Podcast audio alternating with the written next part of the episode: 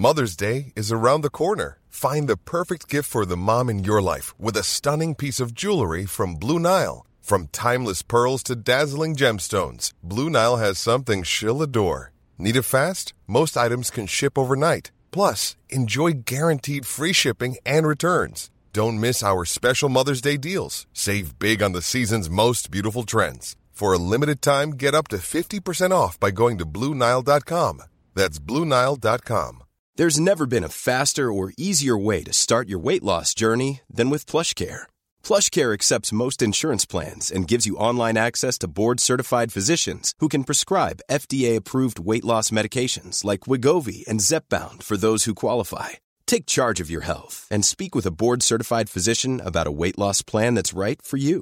Get started today at plushcare.com slash weight loss. That's plushcare.com slash weight loss. plushcare.com slash weight loss. Hey, it's Paige DeSorbo from Giggly Squad. High quality fashion without the price tag. Say hello to Quince.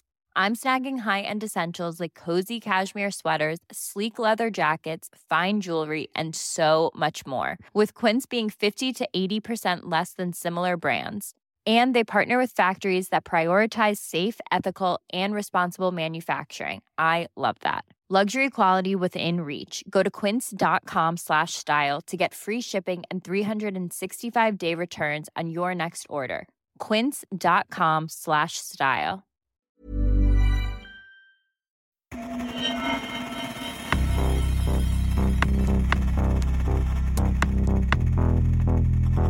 Expect more attacks on the government. They caused a lot of damage. In any computer crime, you want to look for the digital footprints. Dataintrång där interna handlingar läckte The ut. shadowy group behind the hacking attack on the Federal Reserve. breaking into files. Beskriver dataintrången så mycket avancerade. This is just the beginning. We will respond, respond, respond, respond. Nätets mörka sida. Sanna historier om brottslighet på internet.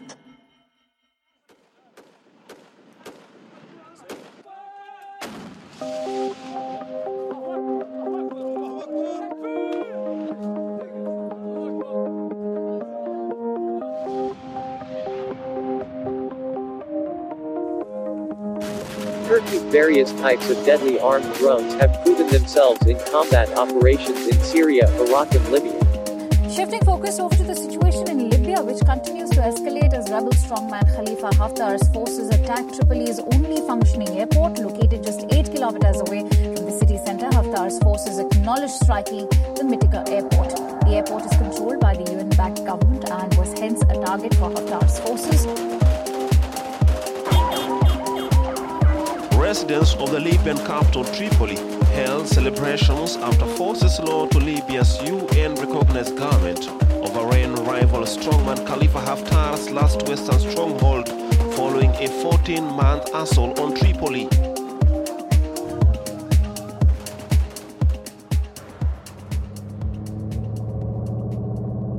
Abdul Aziz Mohammed var helt slut och jävligt förbannad.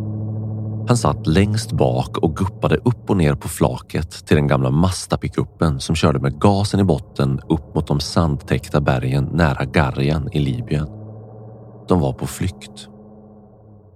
För bara någon dag sedan så hade Abdul varit full av energi och adrenalin inför tanken på att kämpa mot fienden och bereda väg för att fältmarskalken Khalifa Belkasim Haftar skulle kunna ta makten i Tripoli och i nästa steg hela Libyen.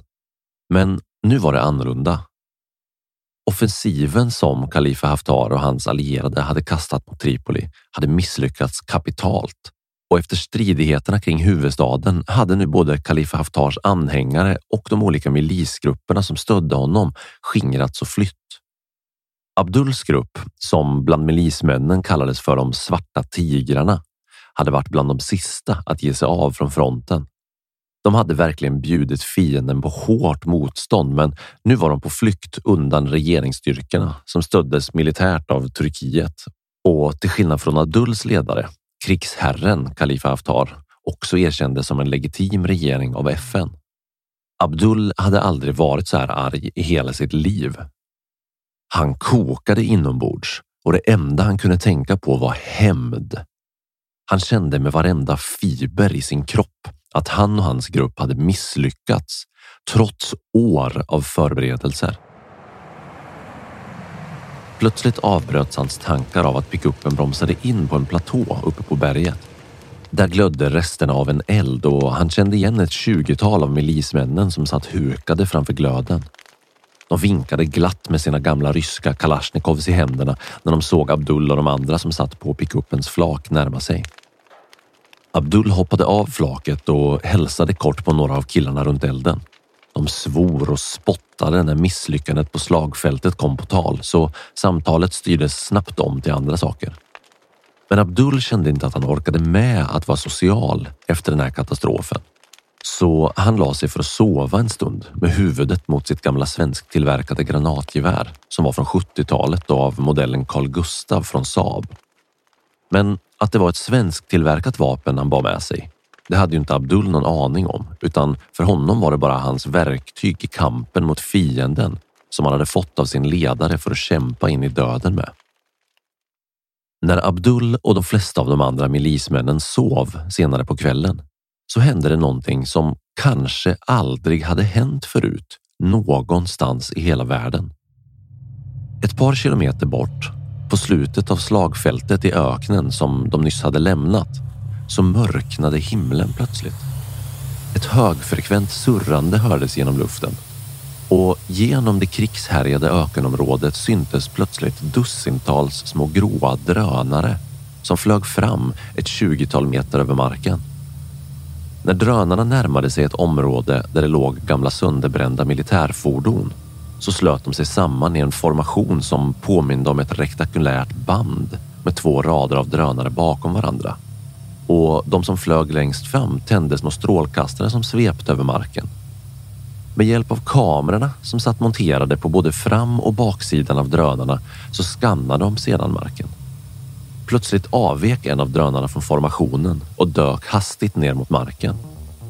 När den drönaren kraschade träffade den en personbil som låg i diket och då hände det någonting märkligt. I samma sekund som drönarens chassi fick kontakt med bilvraket exploderade den i ett hav av eld och splitter. Explosionen hördes högt och tydligt uppe på berget där Abdul och de andra milismännen låg och sov. Och Abdul satte sig upp med ett häftigt ryck. Det tog bara någon sekund innan han kom upp på fötter och han skrek för full hals till de andra att de måste vakna och att fienden anfaller. Men när han tittade ner för bergssidan så såg han bara ljuset från drönarnas strålkastare som närmade sig. Inga tanks, inga militärfordon, inga fiender syntes till någonstans på marken. Några av milismännen öppnade eld och började skjuta mot drönarna men det var svårt att se något och nu började ljuset från strålkastarna komma så nära att de blev bländade. Abdul fick ett infall och tänkte att om han bara kunde gömma sig under något så skulle han kunna skjuta mot drönarna när de flög över honom. Han kastade sig in under en buske och la sig på rygg med granatkastaren riktad uppåt och sin lilla pistol bredvid honom i sanden. Och sen brakade helvetet loss. Plötsligt störtdök drönare efter drönare mot milismännen uppe på platån och när de träffade sina mål exploderade de i nya flammande eldhav. Det var kaos i två till tre minuter och hela tiden låg Abdul stilla och väntade på sin chans att beskjuta drönarna underifrån. Men den chansen kom aldrig.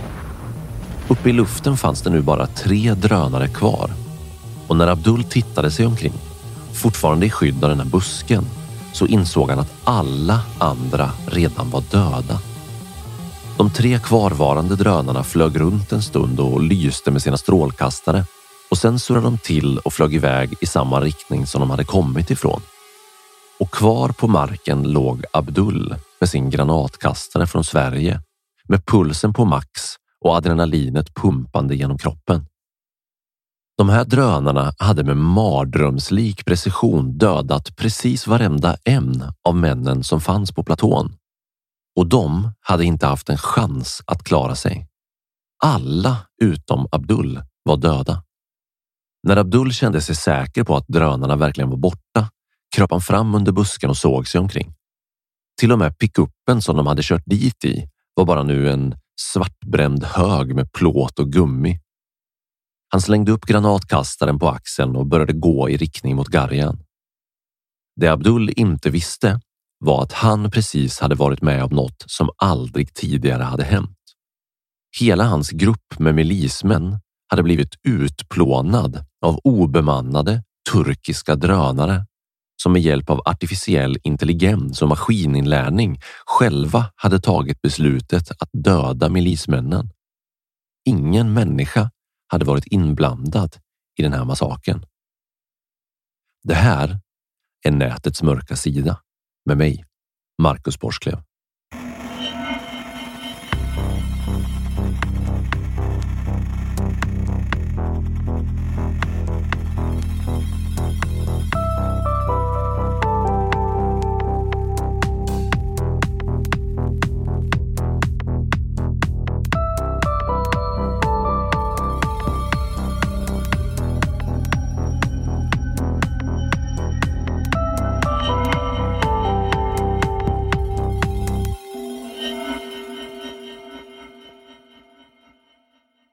Här historien som du precis hörde, den är inte hämtad från någon gammal science fiction roman som drömmer om hur framtidens high-tech-krig skulle kunna se ut. Även om jag har dramatiserat lite kring detaljerna i introt så var det här faktiskt en riktig händelse som utspelar sig på våren 2020 i Libyen när soldater och milismän som var lojala med krigsherren Khalifa Haftar drog sig tillbaka efter den misslyckade offensiven mot Libyens huvudstad Tripoli. Enligt en rapport från FN så var det obemannade drönare av typen Cargo 2 tillverkade i Turkiet som med hjälp av AI själva tog beslutet att döda milismännen ute i öknen. Cargodrönarna sökte alltså upp och dödade Khalifa Haftars män helt autonomt, helt på egen hand utan att någon människa någonsin behövde trycka på knappen för att ta beslutet att spränga milismännen i bitar. Maskinerna bestämde själva vem de skulle döda. Det enda som det behövdes ett mänskligt beslut för var beslutet som togs för att skicka ut drönarna. Sen skötte AI in resten. Och som av en händelse, bara några dagar efter att FN släppte sin rapport, så dök det plötsligt upp en formulering på hemsidan till företaget som tillverkar Cargo 2-drönarna där det står att man alltid ska ha en människa som tar det slutgiltiga beslutet om att öppna eld. Surprise! Oh, no.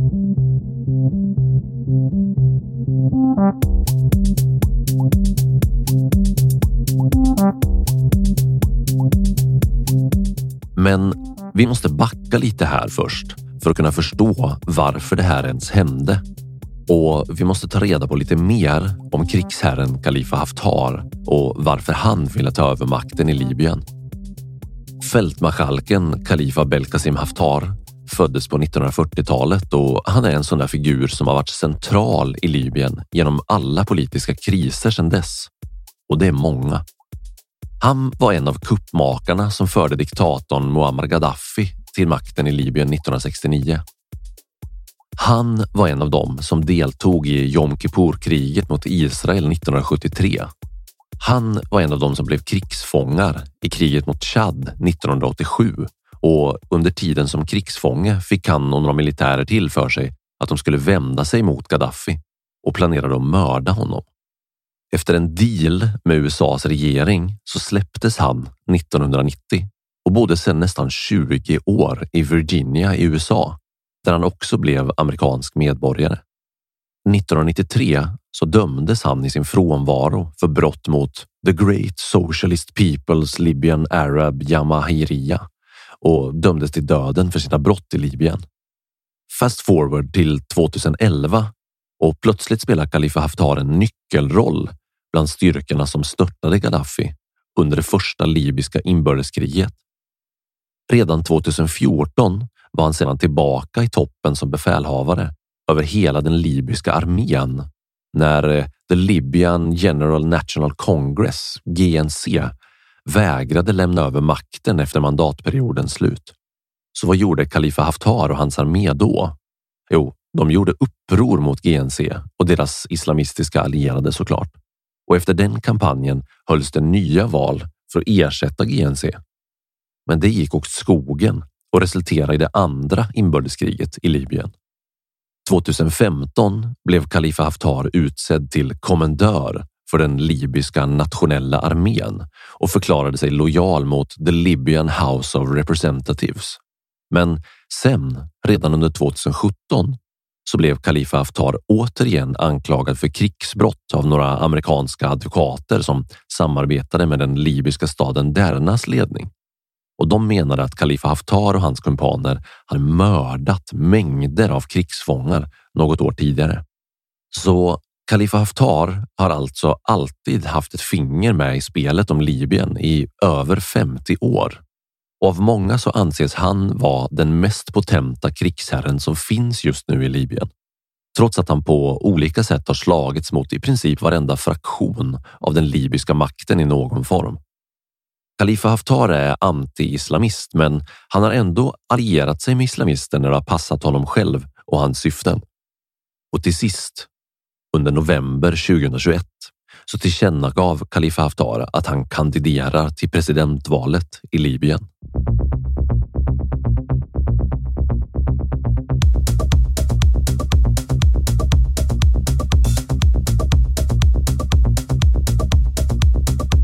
Allt det här, hela Khalifa Haftars 50-åriga arv av våld, politik och militärmakt måste ha gjort att den libyska centralregeringen blev rätt så skraja när han 2020 lanserade sin offensiv från öster för att återta huvudstaden Tripoli för att sedan kunna lämna över makten till den alternativa regeringen som varit baserad i östra Libyen med sin bas i hamnstaden Tobruk. Khalifa Haftar motiverade offensiven med att västra Libyen måste rensas fritt från terroristgrupper. FNs dåvarande generalsekreterare Antonio Guterres vädjade direkt till Khalifa Haftar om att stoppa offensiven för att undvika ett blodbad. Men Haftar var obeveklig. Och när regeringen sen lanserar sin egen motoffensiv mot Khalifa Haftar och hans allierade, då är kriget igång på riktigt. Och Khalifa Haftar har haft ett S i rockärmen ganska länge, nämligen ekonomiskt stöd från Saudiarabien. Haftars styrkor tar emot stora mängder pengar och vapen via olagliga kanaler från den saudiska staten. Och med hjälp av de pengarna kan han köpa sig ytterligare stöd från andra krigsherrar runt om i Libyen. Och sen börjar en lång period av strider mellan Khalifa Haftars anhängare som stöder skuggregeringen i öster och backas upp av Saudiarabien och den legitima libyska regeringen i väster som backas upp av FN och flera andra länder, däribland Turkiet som kommer få en viktig militär och politisk roll i konflikten i Libyen. Efter att Khalifa Haftar beordrat sina militärer att anfalla turkiska fartyg utanför Libyens kust så blir den turkiska regeringen i Ankara riktigt förbannade och ger sedan sitt helhjärtade stöd, både ekonomiskt och militärt, till regeringen och kampen för Tripoli. Men kanske framför allt kampen mot Khalifa Haftar. Och det är just från Turkiet som AI-drönarna av typen Cargo 2 kommer till Libyen i början av 2020. Turkiet har en ganska lång historia av att tillverka högteknologiska vapensystem och de har under de senaste årtiondena utvecklat flera olika autonoma vapensystem som har använts i flera olika konflikter på andra håll i världen. Men när turkiska drönare på eget bevåg letar upp och dödar Khalifa Haftars anhängare under deras flykt bort från offensiven kring Tripoli, då har någonting nytt och helt unikt hänt. Den händelsen markerar starten på en ny tidsålder inom krigsföring globalt. Och även om massakern utanför Tripoli var startskottet så har AI-drönare redan hunnit användas flera gånger i krig sedan dess. Bland annat för att döda armeniska soldater i det korta kriget mellan Azerbajdzjan och Armenien om området Nagorno-Karabach under 2021.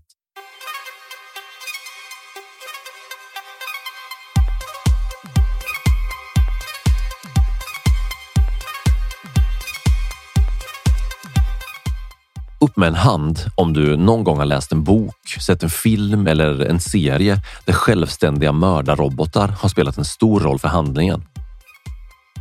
slaughterbots, killrobots, mördar-AI, Skynet eller vad man nu vill kalla det. Kärt barn har många namn. I den militära världen kallas den här typen av vapen med ett gemensamt namn för Lethal Autonomous Weapon Systems, eller kort och gott LAS. Det här med AI-robotar som själva tar sina egna beslut och vänder sig mot människorna, det är ju en ganska kittlande tanke som passar in i många olika spännande historier. Och mördarrobotar har länge haft en given plats i litteratur, film och tv. När jag som tonåring läste Isaac Asimovs Foundation-trilogi med novellerna I, Robot och Robots of Dawn så kändes det så otroligt långt bort att det skulle kunna finnas självständiga maskiner som kan ta egna beslut. Och när jag sen såg Terminator 1 och 2, The Matrix och andra filmer på samma tema, alltså AI-robotar och maskiner som vänder sig mot mänskligheten, så kändes det visserligen både dystopiskt och intressant, men knappast som något som faktiskt skulle kunna bli verklighet. Gillar du den här podden? Skulle du vilja höra fler avsnitt? Då vill jag be dig att stödja nätets mörka sida på patreon.com. Som Patreon så får du tillgång till mängder med exklusivt material som till exempel unika bonusavsnitt som inte är tillgängliga för allmänheten. Behind the scenes videos, merchandise och en massa annat kul. Men framför allt så hjälper du mig att göra fler och bättre avsnitt genom att stödja podden på Patreon. Jag lägger ner någonstans mellan 30 till 60 timmar per avsnitt för att skriva manus, göra research, spela in, komponera musik och redigera. När du stödjer nätets mörka sida på Patreon så bidrar du till att jag kan fortsätta göra intressanta avsnitt som du kan lyssna på. Gå in på www.patreon.com natets mörka sida och upptäck allt som du får tillgång till som Patreon. www.patreon.com natets mörka sida. Länken finns också i infotexten till varje avsnitt av podden. Tack för ditt stöd.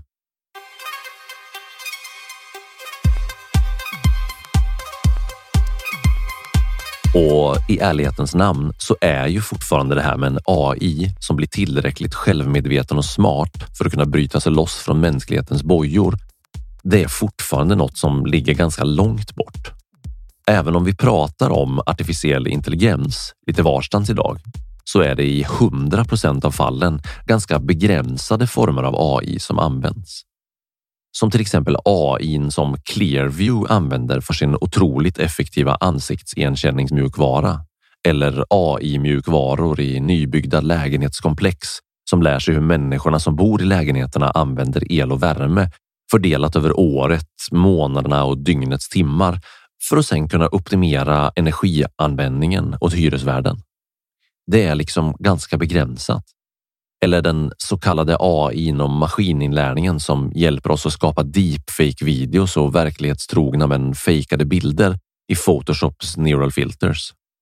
Även om det här är saker som för bara 20 år sedan kändes som helt omöjlig science fiction så är det i ärlighetens namn väldigt långt från att Skynet eller någon slags självtänkande mördarrobot skulle bli självmedvetet och starta ett atomkrig mot mänskligheten på eget bevåg.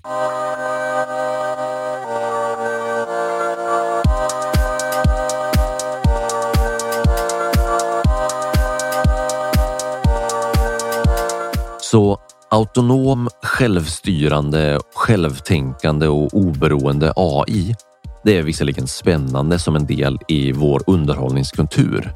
Men när vapen i krig blir autonoma, då är det inte alls lika roligt längre. Bara tanken på maskiner som själva beslutar vem som ska dö och vem som ska få leva är tillräckligt för att bilder av en mycket dystopisk framtid ska börja fara genom huvudet. Men jag vill vara tydlig här. Det här är alltså inte den självständiga, självtänkande och självmedvetna typen av artificiell intelligens som har skrämt oss i böcker och på film som vi pratar om här. Det är fortfarande väldigt begränsad AI som är anpassad för väldigt specifika uppgifter. Och det är fortfarande väldigt långt ifrån att det skulle vara ett gäng Terminator T1000 som vandrar omkring på slagfälten. Men ändå. Det här är AI som är tillräckligt avancerad för att helt själv identifiera sina mål och sen självständigt ta beslutet om vem som får leva och vem som får dö. Cargo 2, drönaren som användes i Libyen, det är en drönare som helt utan mänsklig inblandning kan söka upp, identifiera och utplåna människor. Och det räcker för mig. Det räcker för att jag ska dra öronen åt mig och bli rädd på riktigt. Okej, jag känner att det är dags för lite avgränsningar här. Vi måste på något sätt definiera vad vi menar med autonoma vapen, med AI-vapen och vapen som tar egna beslut. Och vid närmare titt så visar det sig att gränsen mellan konventionella vapen och självständiga vapen inte är så svartvit som man kan tro vid första anblick. Ta gamla miner från eh, andra världskriget till exempel. Sådana som dyker upp då och då i svenska farvatten och som vi sanerar för att de inte ska fortsätta ligga och rosta i havsdjupen. De kan ju explodera utan att någon har tryckt på avtryckaren. Och minorna som fortfarande ligger kvar i djungeln i Vietnam och Kambodja efter kriget likaså. De smäller också utan att några människor sitter bakom spakarna. Men betyder det att de är autonoma vapen? Ja, kanske inte. Men en kryssningsmissil med värmesökning då? Som visserligen skjuts iväg av en människa som trycker på knappen, men som sedan självständigt söker efter sitt mål. Är det ett autonomt vapen? Och hur är det med drönarkrigen som vi har sett i Mellanöstern? Där soldaterna sitter bakom en dataskärm och styr dödandet med en joystick många mil från platsen där kriget utspelar sig. Är det autonoma vapen? Egentligen är den här utvecklingen från traditionella vapen som riktiga mänskliga soldater av kött och blod måste hålla i till autonoma vapen där den som använder vapnen kan sitta tryggt på avstånd. Inget konstigt alls. Det ligger ju i alla krigsmakters intresse att dra på sig så få mänskliga förluster som möjligt och att samtidigt åsamka fienden så stor skada som möjligt. Eller hur? Så att den här typen av vapen har dykt upp, det är egentligen bara en produkt av att vapenindustrin har utvecklats i en riktning som konsumenterna har önskat. Precis som vilka företag som helst utvecklas. Vi får mer och mer AI i våra telefoner och våra smarta hem och våra fabriker. Så varför skulle inte också våra vapen bli smartare? Tired of ads interrupting your gripping investigations? Good news. Ad-free listening is available on Amazon Music for all the music plus top podcasts included with your Prime membership. Ads shouldn't be the scariest thing about true crime. Start listening by downloading the Amazon Music app for free or go to amazon.com slash true crime ad free. That's amazon.com slash true crime ad free to catch up on the latest episodes without the ads. Planning for your next trip? Elevate your travel style with Quince. Quince has all the jet setting essentials you'll want for your next getaway, like European linen, premium luggage options, buttery soft Italian leather bags, and so much more. And is all priced at 50 to 80% less than similar brands. Plus, Quince only works with factories that use safe and ethical manufacturing practices. Pack your bags with high-quality essentials you'll be wearing for vacations to come with Quince. Go to quince.com/pack for free shipping and 365-day returns.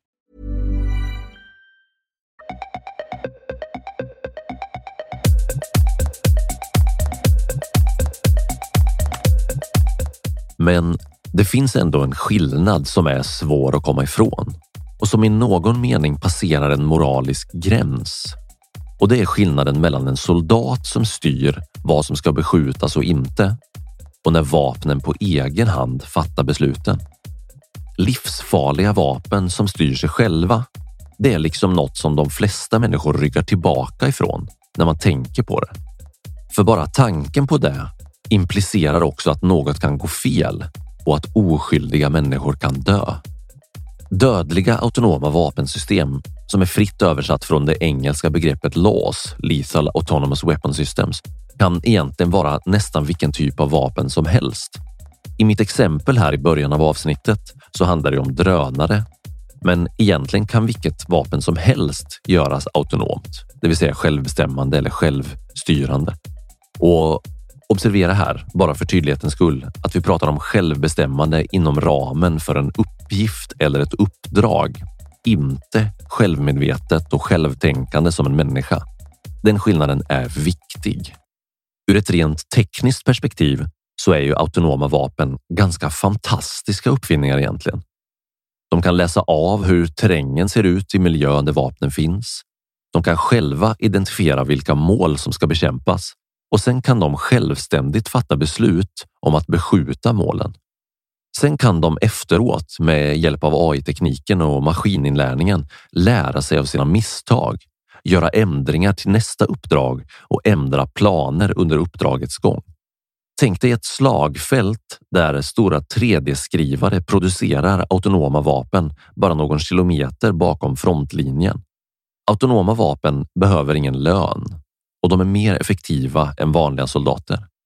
Autonoma vapen behöver inte äta, de behöver inte sova och de har inga familjer som drabbas om de skjuts ner i strid.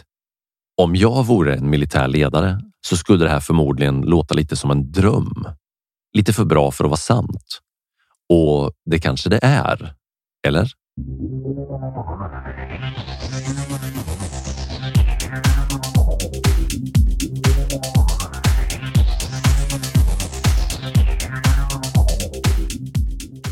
För även om autonoma vapensystem kan anpassa sig och lära sig nya saker för varje uppdrag så är det betydligt mycket svårare att lära ett vapen om etik och moral. Och just etik och moral är något som vi människor och kanske särskilt människor som har våldsmonopol som militärer och poliser verkligen behöver behärska för att världen ska kunna fungera utan att kollapsa. Om ett autonomt vapen tar fel beslut, vem har då ansvaret? Om ett autonomt vapen på egen hand tar ett beslut som en etiskt och moraliskt medveten människa aldrig skulle ta, vem ska då hållas till svars för brottet? Den här frågan och många andra har fått många länder i världen att ställa krav på förbud mot autonoma vapen. Även människorättsorganisationer över hela världen har kampanjat mot autonoma vapen. Men vilka är det som har protesterat mot det här? Jo, först och främst så är det små fattiga länder från Afrika och Asien som har protesterat och andra små rika länder som sällan är inblandade i krig som Sverige och Nederländerna. Men de stora drakarna och de stora krigsmakterna i världen som USA, Kina, Ryssland, Indien och Pakistan. De har inte sagt ett pip om hotet som autonoma vapen skulle kunna vara för människor i konfliktdrabbade områden. Kanske är det för lockande för dem att skaffa sig sådana här vapen. Eller kanske är de för rädda att om de själva väljer att inte skaffa autonoma vapen så gör deras motståndare det och så hamnar de på efterkälken rent militärtekniskt och har sämre chanser att vinna eventuella framtida konflikter. Och med tanke på hur snabbt utvecklingen av AI-teknik går just nu så kanske man kan behöva ställa sig frågan hur ett förbud mot autonoma vapen egentligen skulle kunna se ut. Är det ens möjligt att förbjuda AI är ju liksom inte antingen eller. Det är inte svart eller vitt. Det är inte självstyrande eller inte, för datorstyrda vapen kan uppdateras med ny mjukvara som gör systemet ännu smartare. Nya program kan laddas in i AI-vapnen efterhand och göra dem mer eller mindre självstyrande. Och var skulle vi i så fall dra gränsen för hur autonomt ett vapen får vara innan det ses som ett självstyrande AI-vapen som då skulle förbjudas. Det finns många frågor kring det här, men när vi väl har gett oss in på den här utvecklingen som vi nu uppenbarligen och oåterkalleligen har gjort, ja, då är det svårt att se hur det skulle kunna gå att stoppa överhuvudtaget.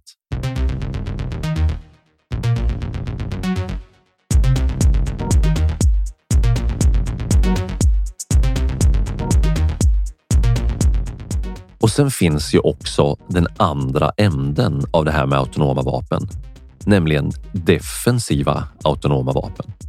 Vapen som används för att avvärja attacker. Vapen som används för att skydda människor från andra vapen, som till exempel missilförsvarssystem. Hur ska vi förhålla oss till dem? Många länder i världen har egna missilförsvarssystem och även om de inte riktigt är i samma nivå som de autonoma AI-drönarna så bygger många av de här systemen på att det finns en förmåga till automatisk eldgivning. Och i många fall så bygger det också på att systemen kan reagera mycket snabbare än vad en människa kan när till exempel en inkommande missil hotar att slå ner. Vad skulle länder som ligger i konfliktområden säga om deras missilförsvarssystem som blir smartare för varje uppdatering plötsligt skulle förbjudas? Vi kan ta järndomen i Israel som exempel, alltså det automatiska vapensystemet i Israel som skjuter ner raketer som skickas mot israeliska städer från till exempel Hamas och andra militanta grupper i Palestina. Jag har väldigt svårt att se hur Israel skulle kunna gå med på att den typen av vapensystem skulle förbjudas. Tyvärr så finns det också fler och ännu mörkare tänkbara scenarion kring hur autonoma vapen skulle kunna användas i framtiden. För det är ju en sak om legitima stater använder AI-vapen för att skydda sina medborgare eller om man inom ramarna för krigets lagar bekämpar sina fiender med autonoma vapen. Men det som håller på att hända just nu, det är att autonoma vapen blir mindre och mindre, mer och mer effektiva och billigare och billigare att producera. Och det gör att den här typen av vapen redan är inom räckhåll för betydligt mer ljusskygga grupper som till exempel terrorister och isolerade diktaturer. Vad händer när sådana människor lägger vantarna på vapen som själva kan jaga upp och förinta sina mål? Vad händer när IS eller Boko Haram byter sina pickupper med terrorister på flaket mot små billiga drönare som bär med sig sprängämnen vart som helst? Och vad händer när länder som Nordkorea eller Eritrea eller varför inte Ryssland använder AI-drönare mot till exempel journalister eller oppositionella. Det blir ganska snabbt mardrömslikt att tänka i de här banorna.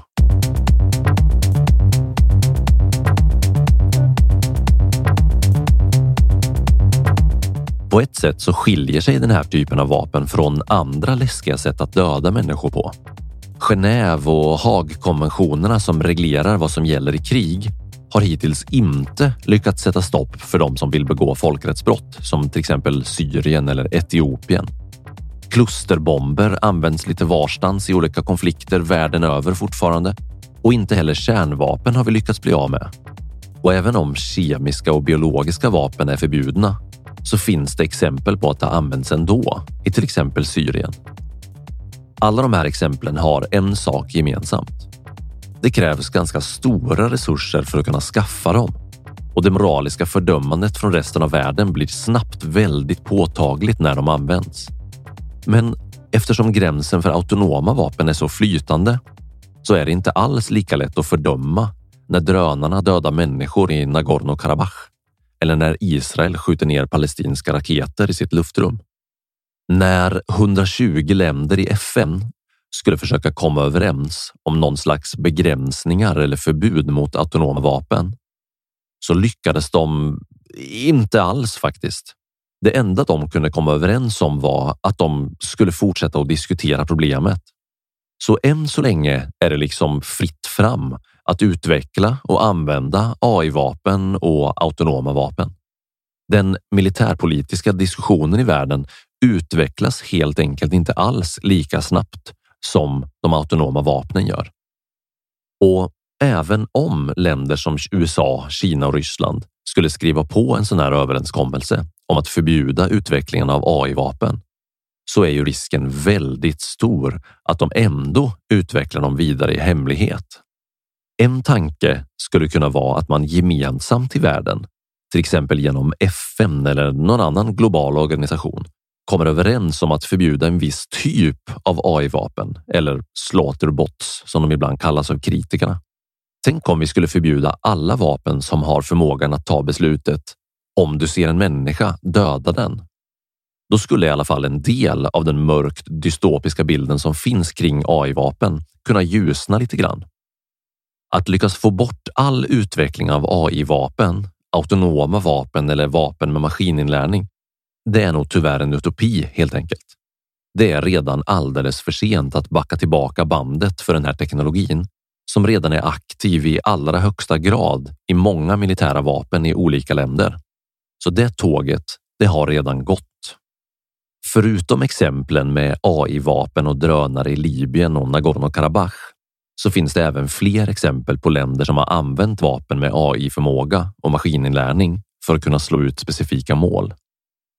Israel använde till exempel ett slags obemannat maskingevär som med hjälp av ansiktsigenkänning lyckades döda en iransk kärnfysiker som ett led i Israels och USAs kamp för att förhindra Iran från att skaffa egna kärnvapen.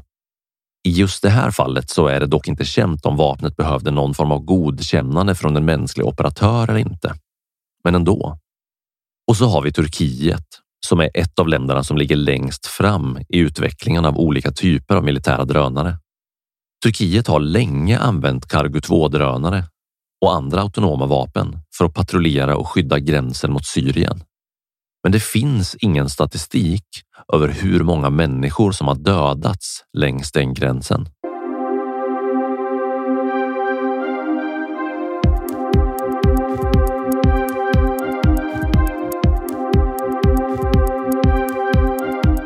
Så vad händer när de här vapnen gör ett misstag?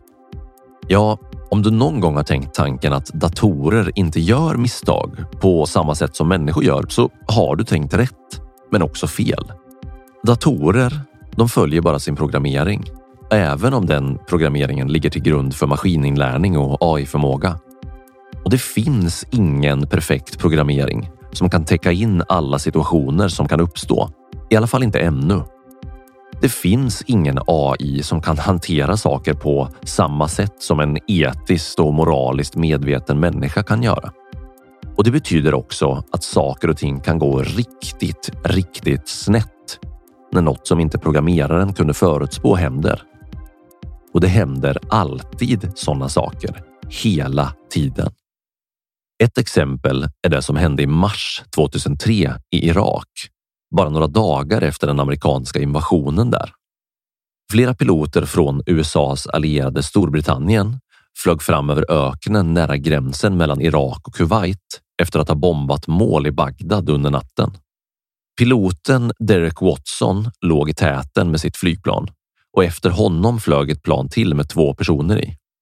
De flög ganska högt för att undvika att bli beskjutna från marken. Men 6000 meter längre ner fanns ett missilbatteri av typen Patriot som tillhörde USA. Och det här missilbatteriet skannade av luftrummet på jakt efter fientliga missiler att skjuta ner för att skydda amerikanska soldater. Datorn i missilbatteriet upptäckte de här två flygplanen och bestämde sig helt enkelt för att det var fiendens missiler som flög där uppe. Och sen tände den ett gäng röda varningslampor framför operatörerna som jobbade med missilbatteriet. Och eftersom missilerna, alltså de brittiska flygplanen, befann sig så nära så tänkte de inte efter utan lydde datorns uppmaning att beskjuta de fientliga missilerna. Missilbatteriet var satt i autonomous mode och det enda de behövde göra var att trycka på knappen för att godkänna. Så de öppnade eld. Piloten i det första flygplanet, Watson, såg en flammande blixt snett nedanför planet och girade snabbt åt sidan samtidigt som han sköt ut ljusbloss för att distrahera missilerna.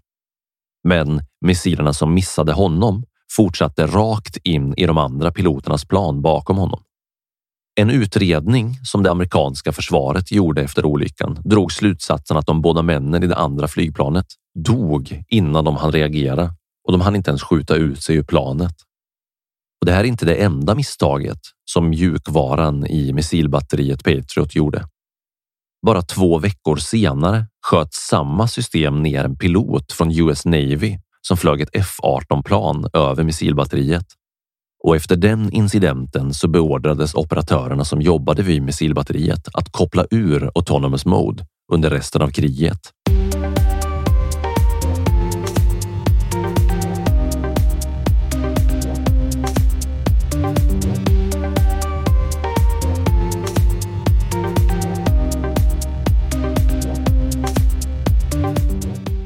Jag vill avsluta med att säga det här.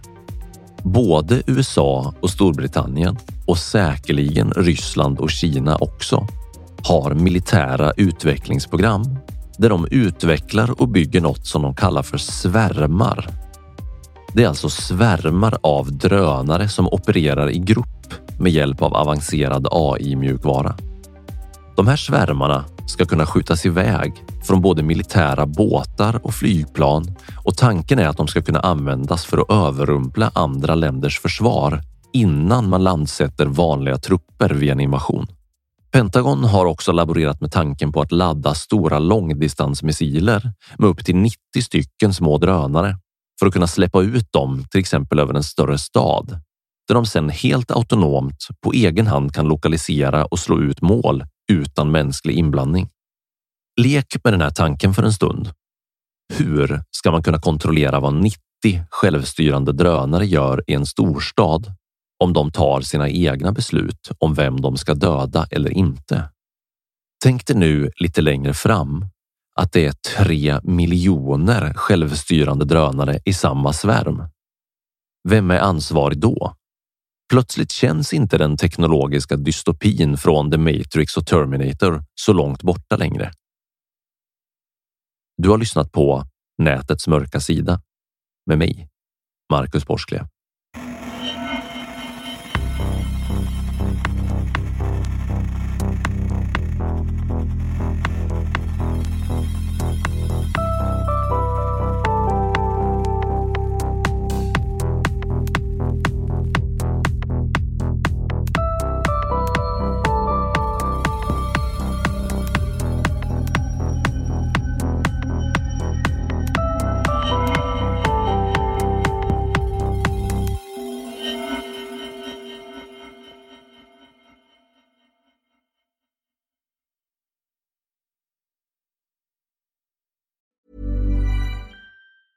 Tired of ads interrupting your gripping investigations?